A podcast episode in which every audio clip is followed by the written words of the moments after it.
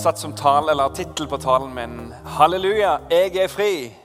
Og så skal dere få gjøre ja, Takk. Amen. Dere skal få gjøre en liten modifikasjon selv. Dere har sikkert ikke samme dialekt som meg, så dere kan skrive i notaten deres 'Halleluja, jeg er fri'. Men budskapet er at jeg er fri. Jesus har gjort meg fri. Så vil jeg be dere alle sammen om litt hjelp i dag. Fordi jeg er det jeg kaller meg selv. Jeg er sønn til Gud, jeg er et barn av Gud. Men jeg er et vitne om det jeg har sett hos min far. Jeg er et vitne om det jeg har sett Jesus har gjort for oss, og det Jesus gjør hver dag. Jeg har ikke hele bildet, men jeg har sett noe, og det har jeg lyst til å dele sammen med dere. Så når dere merker det og hører at jeg sier noe, dette her er sant, da står dere sammen med meg. Så sier dere 'Amen'. Det her er sant. Preach it. Er det greit? Jeg gjør ikke det alene, for jeg, jeg har ikke styrke nok til å gjøre det alene. Men sammen er vi sterke. Én slår 1000, og to slår 10 000. Hvor mange flere slår vi ikke da? Fordi vi har lyst til å se Jesus bli herliggjort i Oslo. Vi har lyst til å se denne byen bli forvandla av at Jesus blir gjort stor. At folk bare hører om det i gatene og i byene utenfor Oslo. Da skjer ting. Jesus er i byen igjen. Ja, han reiste, men han er her fortsatt gjennom sin ånd. Han har ikke latt oss være farløse, men han er her. Han har sendt hjelperen til oss. Amen. Takk. Dere er flinke. Jeg har veldig mye på hjertet mitt. Og Gud er så god at jeg tror at det skal komme noe godt ut av meg som er så ufullkommen som det jeg er. Men det er det som gir oss så stor frimodighet. For det er bare av nåde at vi får lov å tjene Gud. Det er bare av nåde at vi kan stå opp og fortelle om hvem Jesus er, hva han har gjort for oss. Og Det minner meg om en historie. Når jeg var i Sverige for mange år siden, jeg bodde der noen år, og så hadde de undervisning med det her med nattverd. Og Jeg hadde jo vært med på nattverd siden jeg var liten guttunge og visste jo alt det her. Men så sa han inne at det er et bibelvers som sier at du skal akte deg sjøl og ditt eget hjerte før du tar nattverden. Du skal ikke bare ta den uten å tenke gjennom det. Det tenkte jeg, det var rart. Ta så Ransak deg selv nå mens du sitter her før vi tar nattverden, og se om du er i Kristus. Se hvordan hjertet ditt er. Og Jeg gjorde det, jeg tok en sjekk. Jeg hadde aldri vært med på det før. Og Plutselig så jeg all min synd. Jeg så hvor uverdig jeg var til å ta imot det Jesus hadde for meg. Og Jeg begynte å gråte og tenkte jeg er ikke verdig. Jeg er ikke verdig, jeg er ikke verdig, Gud. Men så sa han når dere har gjort det, og når dere ser det, deres egen synd, og hvor lite dere har i deres egen rettferdighet, da skal dere få se på Jesus. Troens opphavsmann og fullender. Guds sønn som kom ned. Og så skal dere se på det korset som han hang på, hvor all vår synd ble spikra opp. Derfor er det her gledesmåltid, nattverden, det er bare fryd, en fryd å kunne ta imot. Tenk, han har dødd for meg. Han har gitt sin kropp. Han har gitt sitt blod for at jeg skal få leve, ha liv og liv i overflod. Og Jeg satt i de benkene, jeg gråt og jeg gråt av takknemlighet til Gud, som er så stor, som vil gi meg, en synder, en ny sjanse. Gi meg nåde, og gi meg evig liv. Gud er god, han er bare god. Det fins ingen skifte mellom lys og mørke i han, sier Jakob 1,17. Det kan være jeg utfordrer noen av dere i dag. Det kan være at noen der blir provosert, men eh, jeg håper jeg får være en representant for hva Gud sier. Og han provoserte mange når han gikk på jorda gjennom Jesus. Da kan du ta det med meg, men gjerne ta det i bønn med Gud. Så viser han at ok, her bomma Erik litt i det han sa. Eller her er det noe du ikke forstår ennå, eller her er det noe du ikke har sett ennå. Noe jeg har lyst til å vise deg. For Det jeg skal snakke om i dag, det handler om, om godhet, om, eh, om, tilgivelse, og mest av alt at vi skal få lov å være de som Jesus har kalt oss til. Vi skal komme inn i den identiteten som Gud har for oss, og være de som Gud har sagt at vi er, gjennom Hans ord og gjennom de profetiske ord som er talt til hver enkelt av oss. Så opplevde jeg noe veldig kult da for en del år siden. Min morfar holdt på å dø. Det var ikke det som var det kule. Og det som er kult med det, da Nå blir det veldig rart, det her. Han hadde ikke vært en kristen, for han trodde aldri at han var god nok. Og siste dag som han kan snakke før han da blir helt komatøs og ikke kan kommunisere, får jeg lede ham til Jesus. Og Det gjorde at mitt hjerte ble så fantastisk fylt med glede. For det er én ting som er viktig, og det er at folk får tak på Jesus. At folk får et liv i, evigheten. Det er ikke her som er det viktigste. Det er der. Så Jeg var så fylt av glede. og når jeg satte meg på det flyet etter, Han var ikke en død engang, men han hadde tatt imot Jesus. og Vi visste at det gikk mot de siste dagene. Men jeg, hadde, jeg måtte reise til den andre byen som jeg bodde i. Og så er jeg bare helt sånn Jesus, du er herre, du er konge, du er alt som jeg bryr meg om. Så får jeg forkynne evangeliet for noen på, på, flyet. Og jeg sier at den samme Jesus som helbreda mine kne for 2000 år siden, og som helbreda syke i Bibelen Jeg er ikke 2000 år gammel, men han som helbreda mine knær, og som gjorde mirakler for 2000 år siden. det høres litt bedre ut. Han er her med deg nå på dette flyet. Og Der sitter det ei dame som er agnostiker, og der sitter en som sier at 'jeg tror ikke på Gud', en, en ungdom. Så sier jeg han er her nå. Jesus Kristus er her nå gjennom sin ånd, og du kan ha kontakt med ham. Så sa hun at hun hadde mista 90% av hørselen på det ene øret sitt. Og så sier jeg ja, men han vil helbrede deg. Han døde på korset for at du skal ha liv og du skal få helbredelse og tilgivelse. Så si bare etter meg nå. Takk, Jesus, for du helbreder meg akkurat nå. Så ba vi sammen på flyet. Så ber hun sammen med meg først. Takk, Jesus, for at du bota meg just nå, på svensk. Og så tenkte jeg nei, hun sier det til meg. Det hjelper jo ikke så veldig mye. Hun må si det til Gud. Så jeg ba henne si det igjen. Si det til Gud. Takk, Jesus, for du boter meg. Stoppen midt i setningen. Hva er det som skjer? Jeg blir varm i øret mitt. Hva er det som skjer? Jeg blir helt sånn gira. Og han fyren imellom oss han sier det her funker ikke, det er bare tull det holder på med. Så sitter agnostikeren der og sier han midt imot. Jeg holder på å bli frisk. Og så sitter hun og tester på flyet. Hallo, hallo, hallo. Jeg er helt helbreda. Jesus var på det flyet. Jesus er her i Oslo i dag.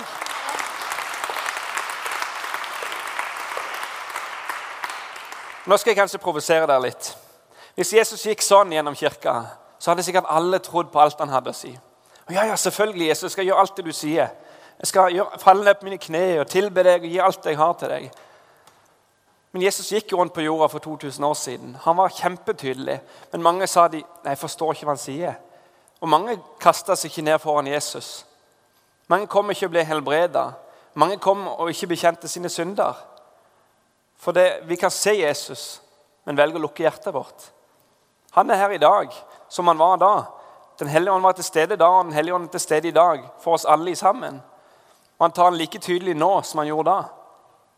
Så I dag vil han dere skal åpne hjertene deres. Og skal dere forestille sånn som denne damen som hadde blødninger, at Jesus gikk der og så strakk hun seg ut i folkemengden og rørte ved Jesus. På samme måte er han her gjennom sin ånd. Og Han vil at du skal få liv i dag.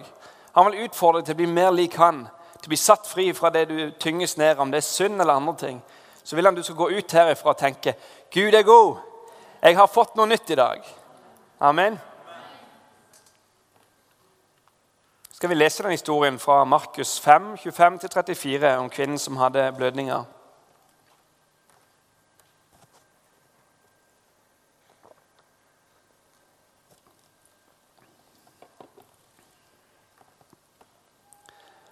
Der står det Der var også en kvinne som hadde hatt blødninger i tolv år. Hun hadde lidd meget under mange leger. Alt det hun eide, hadde hun brukt uten å bli hjulpet. Det var heller blitt verre med henne. Hun hadde hørt om Jesus og kom nå bakfra i folkemengden og rørte ved kappen hans. For hun sa, 'Kan jeg få røre, om så bare ved klærne hans, så blir jeg frisk.'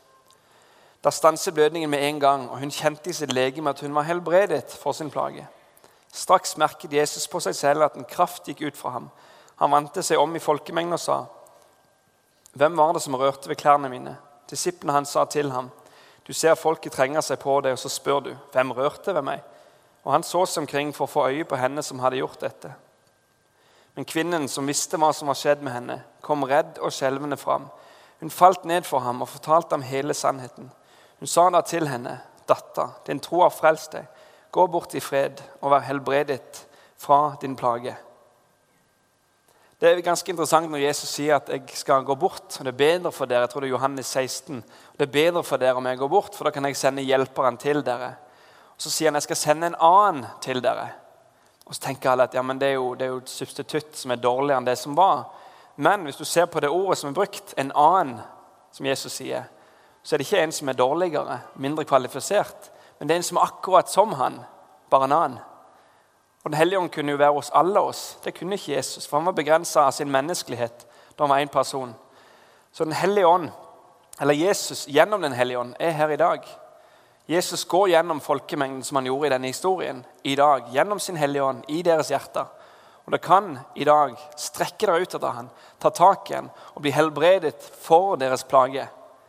Jenta her, dama her hadde noe i hjertet sitt. Gud hadde talt noe. og Så handla hun på det. For var en ordets gjører og ikke bare en ordets hører, som vi leser om Jakobs brev. For det er stor forskjell. Du kan ha forstått alt. Hvis ikke du handler på det, så gagner det ingenting.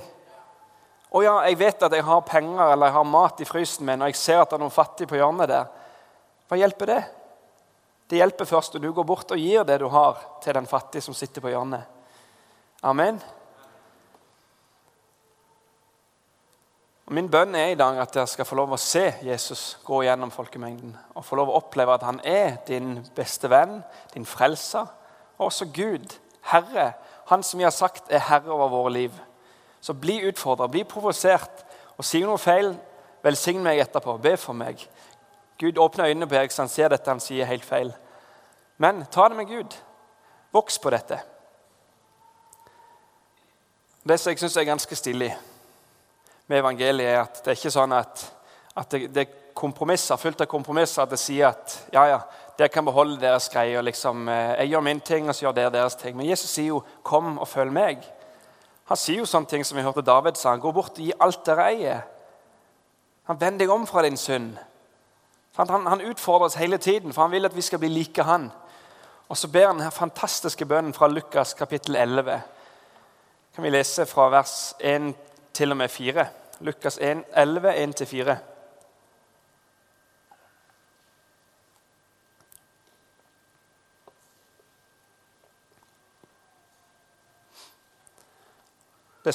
Det er jo en veldig kjent bønn som eh, Fader vår, som alle sikkert kjenner. Da står det Det skjedde at han var et sted og ba. Da han holdt opp, sa en av disiplene hans til ham, Herre, Lær oss å be, slik som Johannes lærte disiplene sine. Han sa da til dem, når dere ber, skal dere si, Fader vår, er vår Far, du som er i himmelen, for det er vårt hjemland. Helliget vorde ditt navn.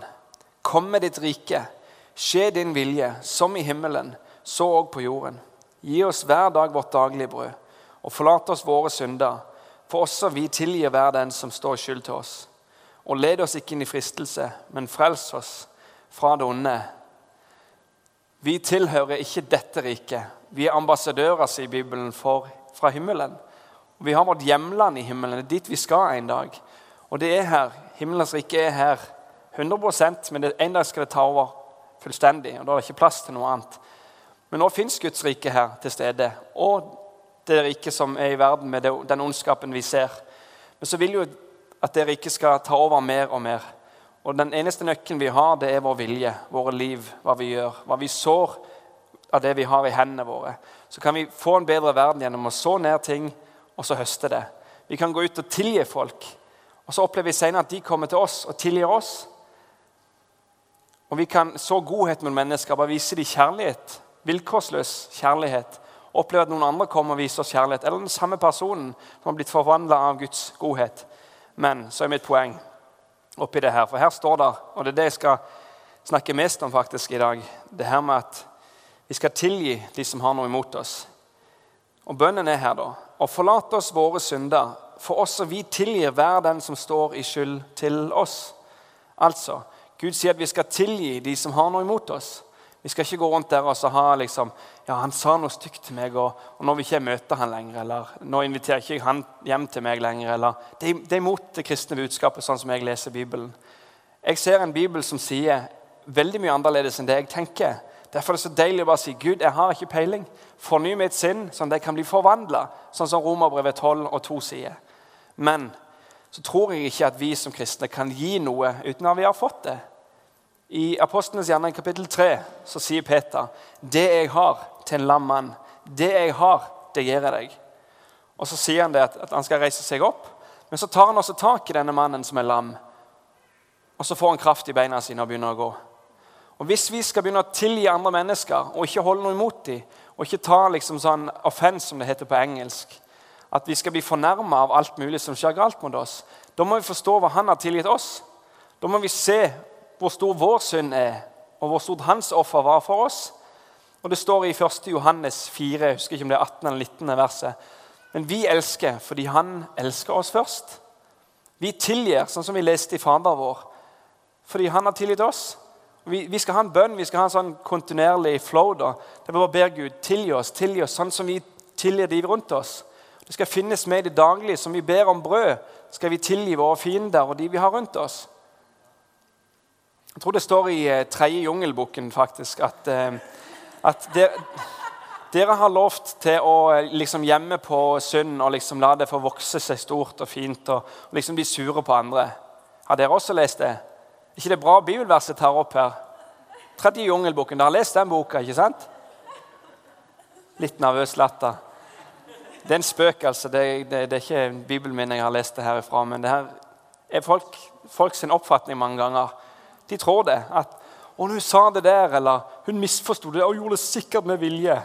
Og da, da kommer ikke jeg mer i hans disippelgruppe. I hvert fall. Det er helt sikkert. Eller 'jeg kommer ikke på møte', eller 'jeg skal iallfall ikke se på han'. Men hva, hva, er det Jesus gjør på korset? Hva er det Jesus sier som sine siste ord? Og hva er det en av disiplene hans, Stefanus, har lært fordi han har vært sammen med Jesus? Han har blitt kjent med Gud i menneskekropp. Jo, at det er større å tilgi. Det er det vi skal gjøre. Vi skal være som vår far. Jesus sier bare, 'Far, tilgi dem, for de vet ikke hva de gjør.' Og Samme gjør Stefanus. Og han ser Jesus der oppe. Og Sånn skal vi også være. Vi skal være lik vår far, vi skal være lik Jesus. Vi skal tilgi de vi har rundt oss.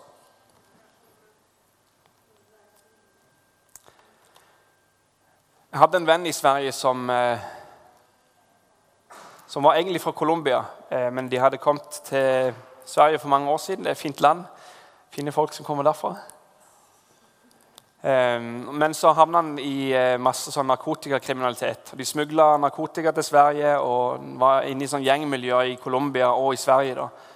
Så Til slutt så blir han skutt av politiet, og alle vennene hans blir drept. og Han blir skutt i beinet og går halvt til denne dag.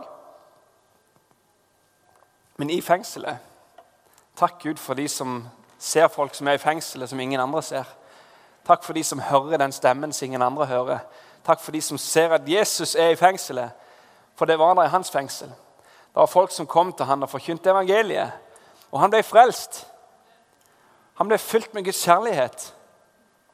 Da står det i Romerbrevet at han har utøst sin kjærlighet i våre hjerter. Og denne mannen som var veldig tøff, holdt på med narkotikakriminalitet og gjenger han ble bare fylt med kjærlighet, han ble forvandla. Han fikk en ny natur, han gjorde ting annerledes. Så det, Alle ble jo helt sjokkert over han, for han begynte å klemme vaktene. Han, begynte, han måtte gi en klem til alle han traff. Og Han så fullt av kjell, han klarte ikke å styre seg. Han, det var jo flaut, liksom. Men han måtte bare gjøre det, for han har fått en ny natur. Og så tenker jeg, Det er sånn vi skal være. Dette er vår ekte identitet. Vi skal fylle den kjærlighet som Gud har for oss. Men da må vi hver dag be Fader vår. Vi må komme inn for Gud og si, 'Gud, jeg er en synder. Jeg trenger din tilgivelse i dag.' Og så må vi tenke at det er den samme situasjonen for min nabo. Det er den samme situasjonen hun på jobben som ikke ennå kjenner Gud, har. Trenger tilgivelse. Da skal jeg, som min far har valgt å gjøre mot meg, tilgi dem. Jeg skal ikke gå hjemme det hjertet mitt. Jeg har et skrekkeksempel på det her med, med, å holde på ting. Jeg traff en som jeg var god venn med. og så, det, det, kan være mange omstendigheter. Jeg vet ikke hvordan det har gått etter mange år, men det jeg så, var helt grusomt. Det var noen som hadde sagt feil dag til han, eller de hadde ikke sett han godt nok i en disippelgruppe i en annen menighet. Og så kunne ikke han da få komme på denne disippelgruppen den ene gangen. Men det satte seg i han, for han hadde ikke et forsvar. Han hadde ikke en sånn daglig bønn der han bare tilga sine fiender, velsigna de som gjorde uvel imot han, om det var kristne eller ikke.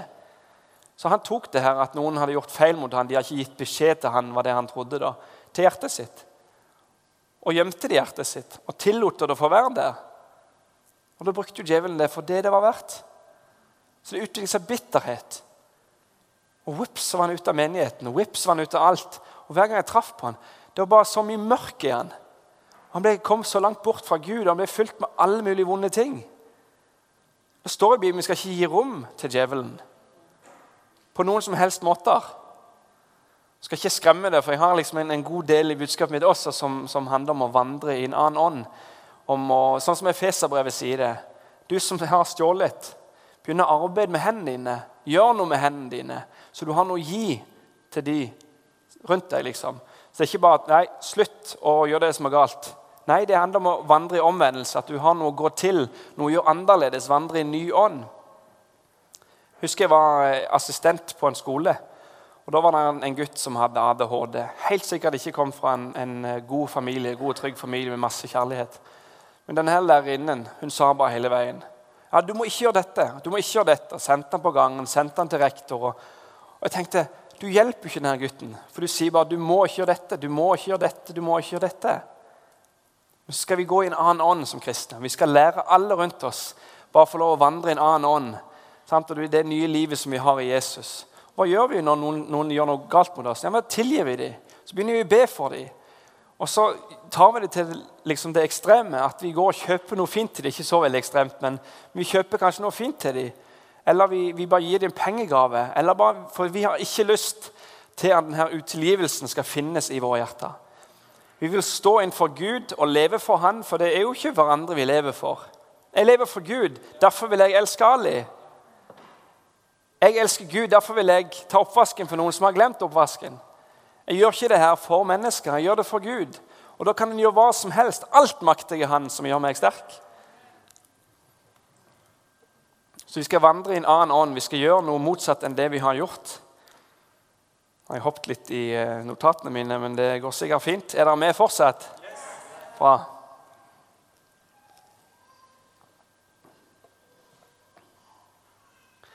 Så tror jeg at, at det er en nøkkel i det her som, som Peter sier i Apostlenes gjerning kapittel 3 at jeg gir deg det jeg har.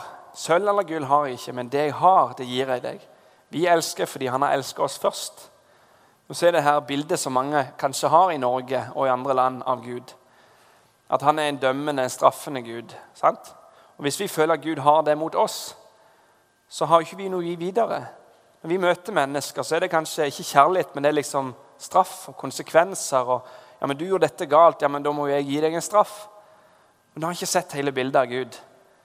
Og Jeg sleit husker jeg, lenge lenge, lenge med, med, forskjellige ting. Og så husker jeg noen som sa på telefon til meg da, som prøvde å be for meg og, og hjelpe meg til frihet. Så sa de det er akkurat som en sånn ånd over deg som bare vil straffe deg, som, som vil at du skal straffe deg sjøl. Med en gang de sa det, så akkurat som jeg kom ut i lyset. For der trives ikke mørket. Tenkte, Å, det var rart. Det var akkurat som jeg ble mye lettere nå. Og Det vokste i hjertet mitt. og det vokste i hjertet mitt. Og Da forsto jeg det, at, at jeg had, med den oppveksten jeg hadde, og den kulturen som jeg har blitt gitt, så har jeg hatt bildet av Gud som en straffende Gud, en dømmende Gud. Og Det har holdt meg veldig nede. Det har gjort at jeg ikke klart å leve ute i frihet. Så har jeg ved to tilfeller bedt sånn, det har kommet sånn kraftige manifestasjoner av at mennesker de har slitt veldig, og så har vi ikke klart å be dem fri. Og så har jeg bare kjent inni meg, Det er akkurat den samme ånden som du sleit med. At du har lyst til å straffe deg sjøl. At du ikke kan ta imot Guds nåde og Guds tilgivelse, som gjør at de ikke er fri ennå. Så har jeg bare kjent inni meg, og spesielt en ung mann som sleit med masse urenhet, masse dumme ting. Så kjente jeg bare inni meg og det er et eller annet som binder han veldig. Og Så spurte jeg ham bare ja, hva, hva kjenner du nå. Ja, du har bedt, jeg har kjent det har skjedd ting, men det er et eller annet som bare gjemmer seg inni meg, som ikke vil ut av meg. Det er et eller annet som ikke vil forlate meg, som prøver virkelig å ikke bli satt eller kasta ut. Så bare jeg litt, kjente jeg bare det er akkurat den samme ånden som du har vært under, Erik. Den ikke ser Gud klart hvem han er, liksom, og, og hans tilgivelse, hvor kraftig den egentlig er. Så sier jeg bare i Jesu navn, du ånd som straffer, kom ut. Og Plutselig så bare Guds nærvær kjempesterkt inni, inni leiligheten min.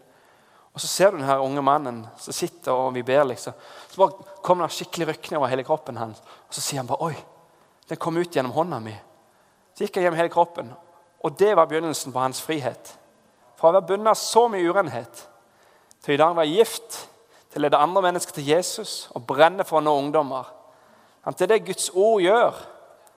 For Guds ord setter i frihet. Sannheten setter i frihet. Er du ikke fri ennå, så har du ikke sett hele sannheten.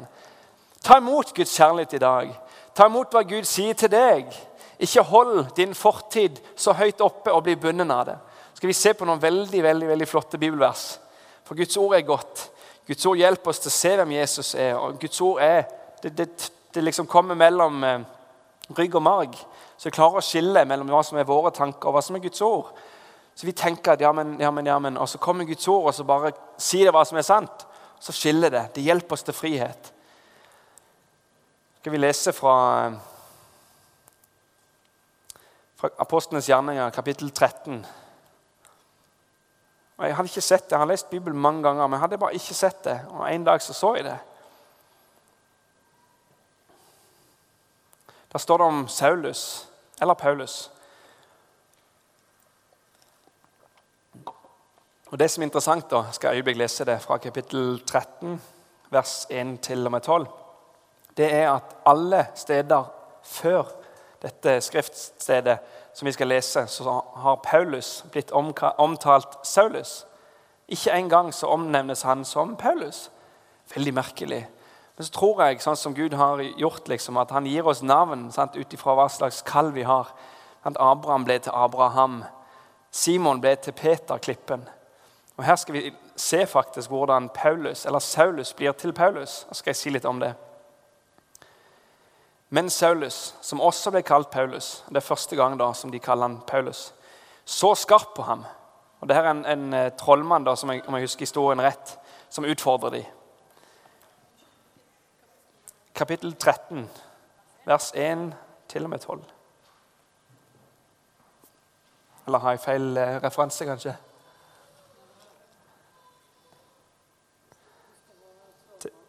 Ja, jeg tror det er det er litt lenger ned i, i verset. Men jeg kan lese for deg. Hvis dere finner verset, så kan de andre få det. Jeg begynner å lese fra de notatene jeg har, så det er nok litt lenger ned i kapittelet. Men Saulus, som også ble kalt Paulus, så skarp på ham, fylt Den hellige ånd. Og han sa, du som er full av all svik og alt bedrag, du djevelens barn, fiende av all rettferdighet, skal du aldri holde opp med å forvrenge Herrens rette veier. Ok, Det har blitt en veldig sammenblanding av notatene mine. Beklager. Skal vi se Gjerne den.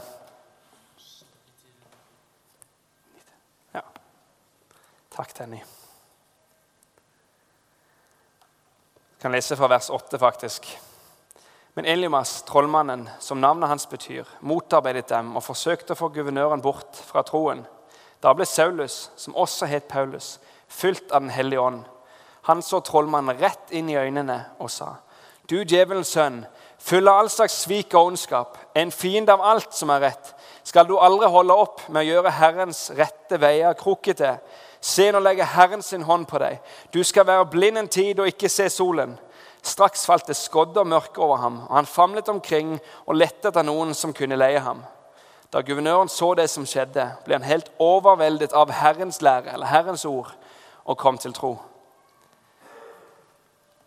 Og så har jeg ikke tenkt på det før, men, men, jeg så det. Og da begynte jeg jo febrilsk å bare lete. Kan det her være tilfellet? Kan det være at Gud bare bytter navn på han her? At det skjer noe så kraftig i forhold til hans identitet som kommer på plass? At plutselig ble det synlig for alle hvem han egentlig var. For Han tok et steg ut i tro, han utfordra denne mannen. Og plutselig så var han ikke lenger kjent som Saulus, men som Paulus. Den som Gud hadde kalt. Ikke Saulus som hadde hatt en fortid. Vi skal se på noen veldig interessante vers. øyeblikk. Fordi hvem var denne mannen egentlig? Jo, han hadde masse ting som han dro med fra sin egen bagasje. faktisk. Han hadde masse kunnskap. Han var den mest skriftlærde av de alle. Men han hadde også gjort noe veldig galt. Han hadde jo liksom kasta kristne i fengsel og fikk de drept, til og med. Og det er noe å bære med seg i sin samvittighet. Men så hadde Paulus lært noe. Og Det er det jeg tror vi får lov å se da i Apostlenes gjerninger kapittel 13, vers 9 og framover. Eh, og Det skal vi se i Filippabrevet 3, 12-14. Filippabrevet 3, 12-14. For han hadde forstått noe. Filippabrevet 3, 12-14.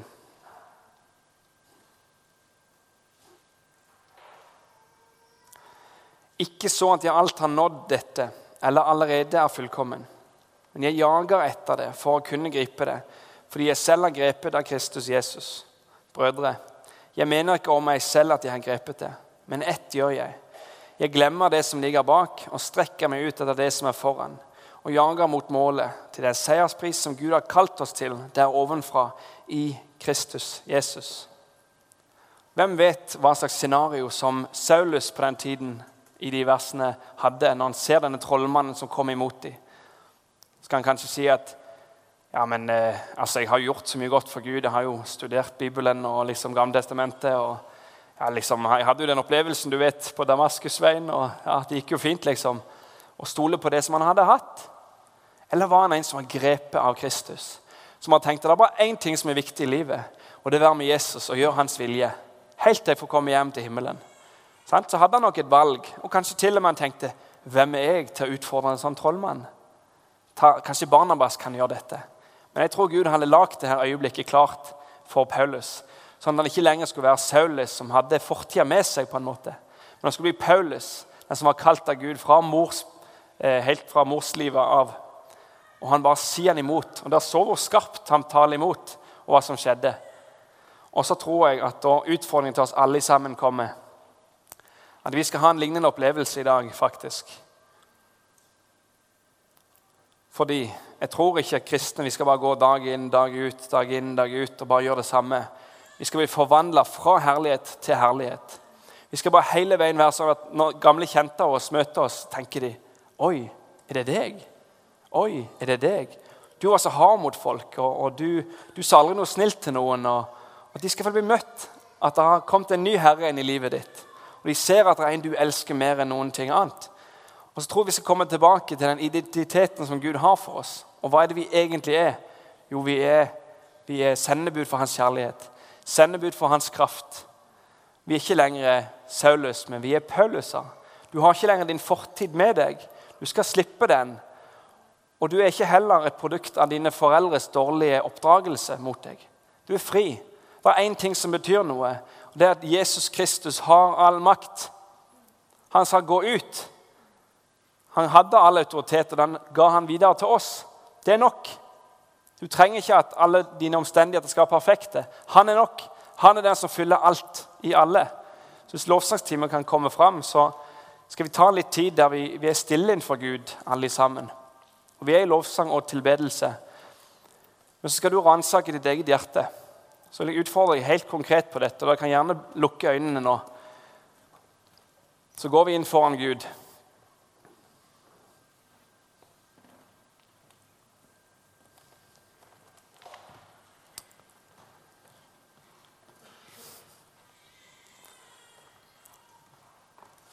For Jeg tror ikke det er greit at vi holder ting mot folk i hjertet vårt. Når Gud har tilgitt oss så mye, skal ikke vi da tilgi de som vi har rundt oss? Hvorfor er vi større enn Guds ord og hva Han har gjort for oss? Så Mens de gjør seg klar, så skal du bare begynne allerede nå stille inn hjertet ditt på, på Gud. Og, og kanskje ta tak i ting og mennesker som du ikke har tilgitt. Og så skal du bare bruke god tid nå, for jeg, vil ikke ha stress nå. Jeg vil ikke at vi skal bare kunne gå ut her for å være uforandra. Jeg tror Den hellige ånd er her. Jeg tror Jesus gjennom Den hellige ånd er her. Han har lyst til å forvandle deg. Han går gjennom folkemengden, sånn som han gjorde med denne kvinnen som hadde blødersykdommen. Og Han har lyst til at du skal bare få strekke deg ut etter han og ta tak i ham. Så vil jeg utfordre de som kjenner at, at ok, jeg tror jeg må gå fram og kanskje bøye mine knær framme ved scenen og få forbønn. Og jeg må bare tilgi. Jeg må bare kanskje tilgi min mor, som, som ikke har eh, vært en god mor. Eller kanskje noen på jobben. Så vil jeg skal ransake hjertene deres, hver enkelt, jeg også, og si Gud, er det noe jeg skal tilgi mennesker? Kom med din ånd, Herre. Kom med den og vis oss hva som er sant, Herre, og sett oss i frihet, Herre.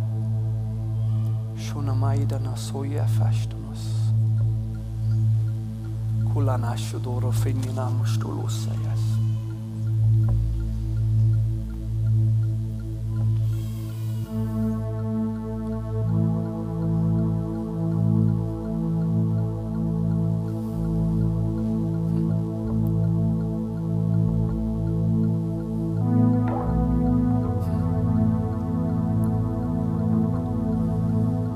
tror det er en kvinne som har en, hatt en mor som misbrukt henne i ord.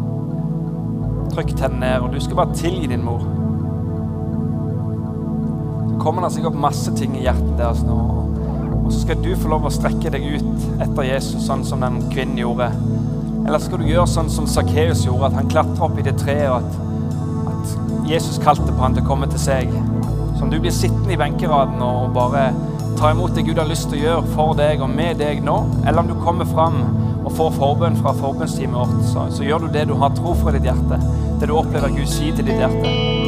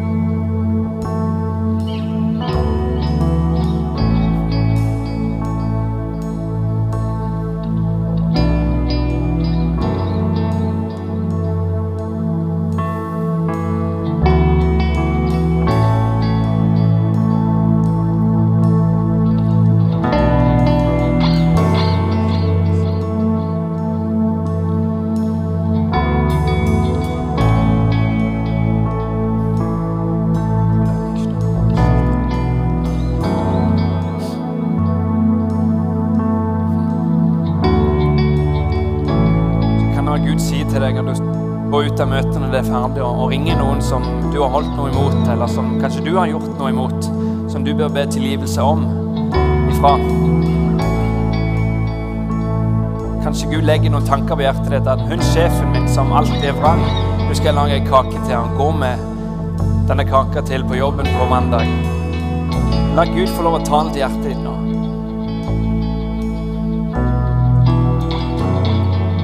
Kan det være du er i den posisjonen der du aldri har tilgitt deg selv. Du ikke har tatt imot Guds godhet til deg sjøl, at, at Gud ikke har lyst til at du skal straffe deg sjøl. Du skal bli fri ifra din angst. Du skal ikke være redd Gud lenger, men du skal kjenne at han er en kjærlig far. Så sitter du og tar imot dette som Gud gjør, i benkeradene, eller så kommer du fram. Kan du komme fram nå med en gang og ta imot forbønn fra forbønnsteamet? Så kan du knele og bare si, Gud, jeg har lyst til å ha en utsending for deg. Jeg har lyst til å bli Paulus og ikke Saulus. Jeg vil være full av kjærlighet og ikke være bunden og preget av det som har vært. Jeg vil jage etter deg, Herre. Jeg vil bare ha deg mer og mer hver dag. Så vær så snill og kom fram hvis du opplever utfordring på det. Jesu navn.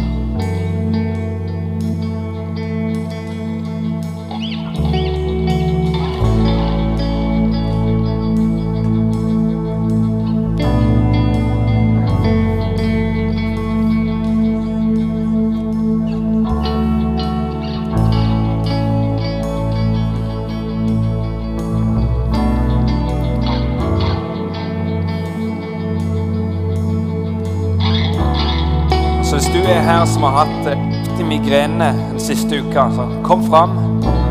Så legger vi hendene på deg, og så skal du bli frisk i Jesu navn. Og hvis det er andre som har andre behov, så kom fram. Bli bedt for. Jesu navn.